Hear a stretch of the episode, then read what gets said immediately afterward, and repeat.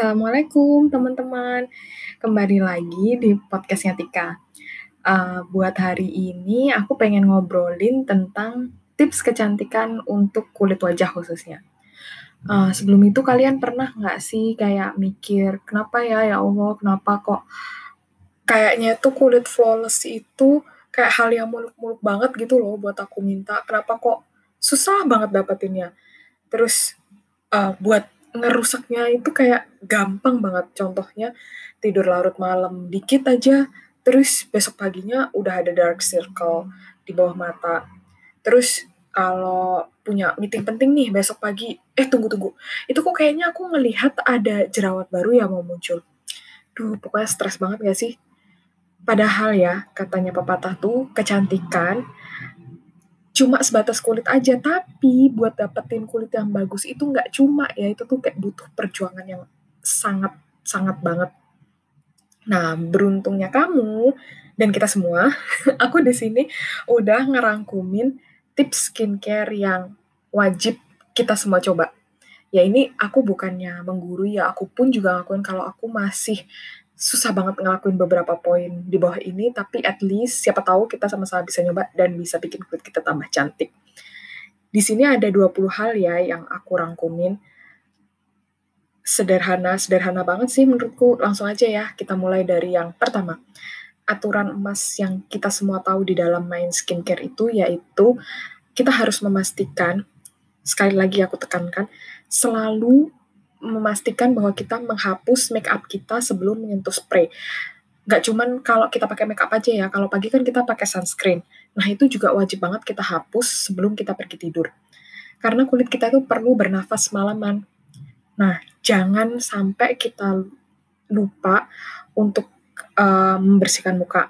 Dan lagi jangan sampai kita tuh lupa kalau eksfoliasi itu sangat penting untuk dilakukan. Jadi kan kadang-kadang kita mikir kalau eksfoliasi itu bikin kulit tipis, jadi kita nggak mau ngelakuin. Padahal eksfoliasi itu sangat dibutuhkan asal nggak berlebihan, setidaknya sekali atau dua kali sepekan.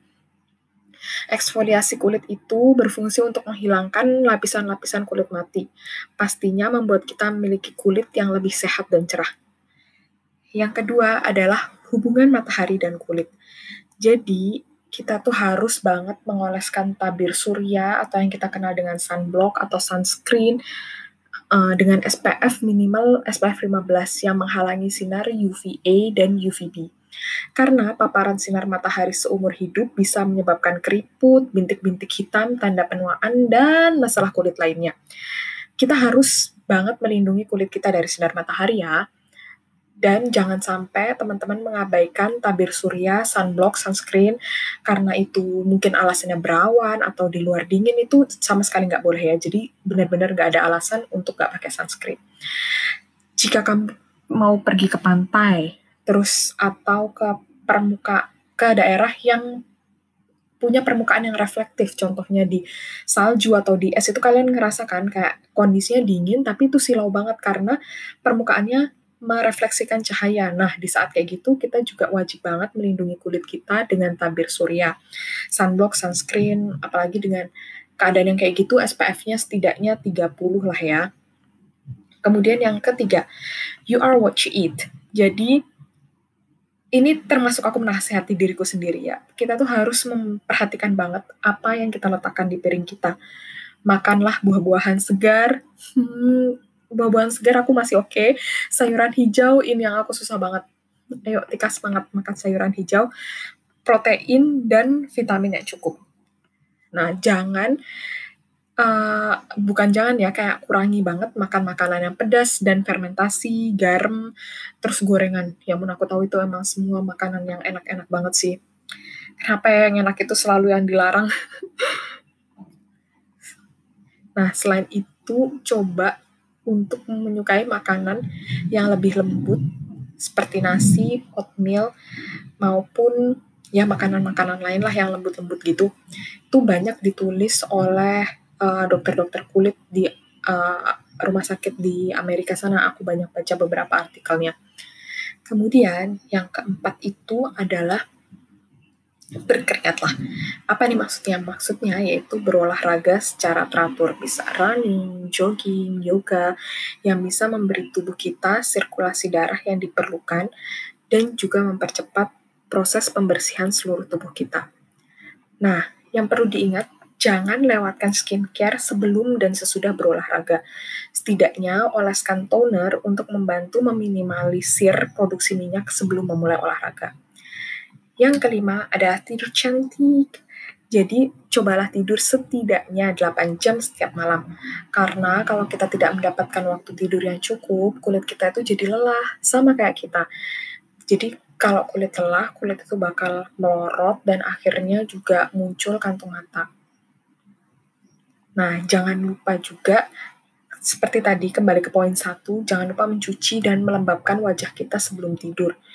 Untuk kulit kering, uh, gunakan pembersih ringan yang bebas dari alkohol ya, biar nggak makin kering kulitnya. Nah, untuk poin keenam, H2O untuk penyelamatan. Tahu kan H2O itu apa? Ya, air. Jadi, hidrasi diri kamu. Minumlah banyak air setiap hari, setidaknya 8 gelas, kalau bisa malah lebih. Jangan uh, juga meremehkan air mawar. Kalian tahu kan air mawar itu kan banyak banget dijual ya, mulai dari yang murah sampai yang harganya mahal. Nah, air mawar ini membantu mencegah dan mengurangi pembengkakan mata di pagi hari, menjaga keseimbangan pH dan melembabkan kulit kita secara alami jika kita menyemprotkannya di siang hari. Yang ketujuh, ya siap-siap kita bisa sama-sama yakin untuk bisa mengatakan selamat tinggal ke jerawat. Jadi kuncinya, tapi kita harus lakukan secara konsisten ya, yaitu cuci wajah kita dengan uh, air dingin, nggak apa-apa kalau mau air hangat nggak apa-apa ya, asal jangan air panas.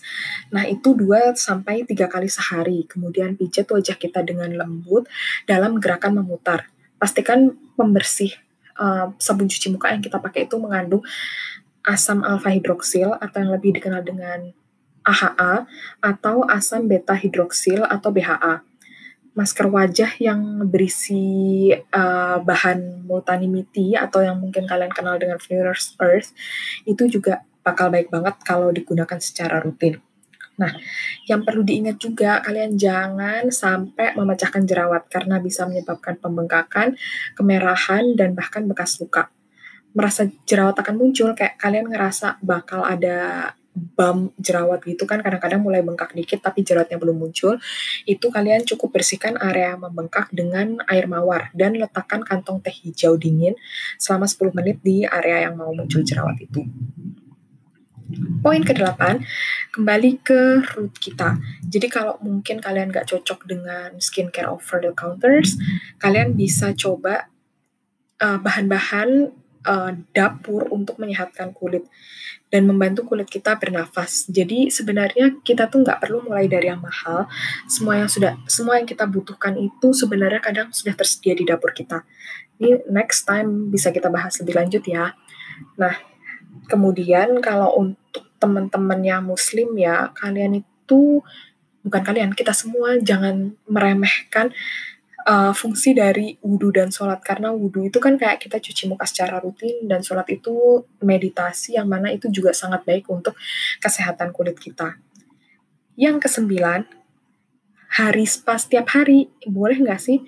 Nah, sebenarnya kan kalau orang bilang hari spa kita ngebayanginnya suatu treatment yang wow banget.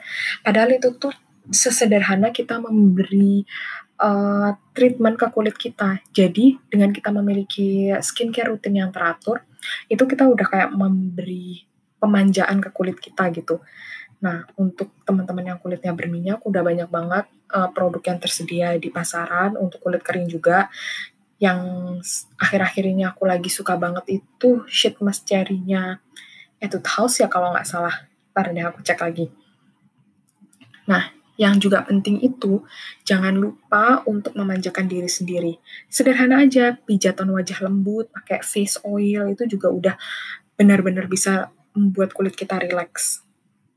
Poin ke-10, uh, ingat buat luangkan waktu untuk diri sendiri. Dan cobalah untuk menghindari stres bisa mungkin. Pernah nggak sih kamu memperhatikan kalau kita itu stres, kita tuh cenderung lebih sering breakout. Ini kenapa sih kok bisa terjadi? Penyebabnya karena stres menyebabkan tubuh kita memproduksi kortisol dan hormon lainnya. Jadi yang in the end bakal bikin kulit kita lebih mengeluarkan lebih banyak minyak. Nah, selain itu kalian juga jangan mengabaikan daerah rahang dan otot wajah kita. Jadi kalau kalian cari di YouTube itu banyak banget uh, latihan wajah namanya. Dan itu tuh nggak perlu lama-lama cukup 5 menit sehari. Coba untuk me menggerakkan rahang dan otot wajah kita biar selalu sehat. Poin ke-11 ingin kulit sehat bercahaya. Nah itu kak sebisa mungkin hindari mandi dengan air panas yang dalam waktu yang lama. Ini nggak cuma buat kulit wajah ya buat kulit badan juga. Sebaiknya pilih durasi mandi yang nggak terlalu lama dan kalau bisa pakai air dingin kalaupun mau hangat itu yang kayak suam-suam kuku gitu aja lah. Jadi karena showeran yang lama dan panas itu menghilangkan kelembapan kulit dan menghilangkan minyak pelindungnya. Poin ke-12, oleskan gel lidah buaya setiap hari. Tapi balik lagi ke tiap orang ya, ada yang cocok, ada yang nggak cocok. Nah, kalau kalian termasuk yang cocok, ratakan pelembab gel lidah buaya di atas kulit yang ekstra kering setiap harinya. Nah, kalau aku pribadi, gel lidah buaya itu uh, lebih cocok di kulit di kulit badan daripada di wajah ya. Kar karena ya kembali lagi tiap orang cocok-cocokan. Padahal lidah buaya ini seandainya kita cocok baik banget untuk melembabkan kulit kita karena asam dalam lidah buaya itu menggerogoti sel kulit mati dan mempercepat proses penyembuhan. Poin ke-13, masak dengan bawang putih setiap harinya. Nah, ini kabar baik banget buat teman-teman yang suka bawang putih ya. Karena sebuah penelitian di Denmark tahun 1996 menemukan bahwa sel-sel kulit yang tumbuh dalam cawan kultur yang ditreatment dengan bawang putih memiliki umur 7 kali sel yang tumbuh dalam kultur standar. Mereka juga cenderung terlihat lebih sehat dan lebih muda daripada sel yang tidak ditreatment dengan menggunakan bawang putih. Jadi, dari sini bisa ditarik kesimpulan bahwa bawang putih itu sehat untuk kulit kita. Dikonsumsi ya, jangan dioles-oleskan gitu aja. Nah, kemudian, tapi jangan banyak-banyak juga ya. Aduh, agak was-was ya, apalagi dengan corona kemarin yang isunya sampai buat jus bawang putih gitu, itu jangan itu berlebihan. Lanjut ya, poin ke-14. Nah, ini kalau teman-teman yang suka ngemil, mungkin ada baiknya ngemil jeruk. Karena jeruk itu kaya akan vitamin C, vitamin C. Penting untuk pembuatan kolagen, dan membantu menjaga kulit tetap halus dan awet muda. Makanan lain yang kayak vitamin C, kalau kalian mungkin nggak suka jeruk ya, itu juga ada pilihan jambu biji, buah kiwi, atau kalau yang mau pedes itu, paprika merah itu juga banyak mengandung vitamin C loh. Oke, poin ke-15, yaitu lakukan eksfoliasi setiap hari untuk badannya, kalau untuk wajah, sepekan sekali eksfoliasi udah cukup. Nah, kalau untuk badan ini bisa gunakan scrub setiap hari untuk menjaga kulit terhindar dari yang namanya sisik-sisik halus di kulit itu ya. Jadi saat kita mandi, gosok perlahan kulit yang uh, mulai terasa kasar atau bersisik dengan gerakan memutar untuk mengangkat sel kulit mati. Poin ke-16, minumlah multivitamin setiap hari. Banyak nutrisi penting untuk kesehatan kulit, di antaranya itu vitamin C, A, dan B. Nah, cara yang paling dapat diandalkan untuk mendapatkan semuanya adalah dengan makanan makan makanan yang sehat. Tapi kan buat kita susah banget ya kadang untuk makan makanan sehat tiap hari. Nah, itu bisa didukung dengan mengonsumsi suplemen harian. Jadi kayak kita bisa tetap makan makanan apa yang kita mau dan tetap dapat uh, vitamin yang kita butuhkan dari suplemen itu. Poin ke-17, jauhkan tangan kita dari wajah kita. Nah, ini penting banget. Apalagi kita baru menyadari ini mungkin sejak adanya virus outbreak ini ya. Karena kenapa sih tangan kita itu menyentuh begitu banyak permukaan kebayangkan, nyentuh HP, nyentuh gagang pintu, bla bla bla. Tangan itu adalah magnet bagi kotoran dan kuman. Ketika kita habis nyentuh semuanya dengan tangan kita, terus kita gosok mata kita, ngusap-ngusap dagu kita, pegang-pegang pipi kita, maka kita telah memindahkan semua yang ada di tangan kita ke wajah kita iuh banget kan emang. Nah, jadi kalau kita tuh pengen kulit yang bersih, kita mesti uh, coba sebisa mungkin untuk nggak banyak megang-megang tangan kita. Eh, nggak banyak megang-megang wajah kita dengan tangan kita. Sorry, sorry. Lanjut ke poin ke-18. Ubah pelembab atau moisturizer kita setiap musim. Untuk teman-teman yang di Indonesia kayaknya nggak terlalu perlu ya, karena sepanjang tahun kita kan kayak musim panas terus. Nah, buat teman-teman yang mungkin sekarang lagi hidup di negara yang punya beberapa musim, mungkin 14 musim, itu um, 14 musim banyak banget sih tik ya ampun 4 musim jadi setiap kali musim berubah kita mesti ganti pelembab kita karena kulit kita membutuhkan lebih banyak kelembapan di musim dingin daripada di musim panas Poin ke-19, singkar, singkirkan minyak berlebih. Jadi, bersihkan wajah kita dengan mengoleskan kertas blotting secara berkala. Atau, olesi bedak loose powder untuk menghilangkan minyak berlebih. Ingat ya, loose powder, jangan gunakan bedak padat.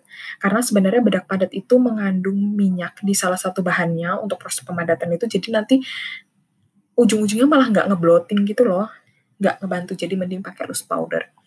Kemudian poin ke-20, pilih kosmetik dengan cermat karena apalagi kalau kita punya sensitive skin, belum tentu semua kosmetik bisa hmm, cocok di wajah kita, takutnya malah bikin breakout nanti. Nah, setelah kita udah melakukan semua 20 poin yang tadi aku sebutkan, kan kayaknya kita udah berusaha menerapkan semua tipsnya, tapi tahu nggak sih masih ada satu hal lagi yang kalian butuhkan buat melengkapi penampilan. Apa tuh?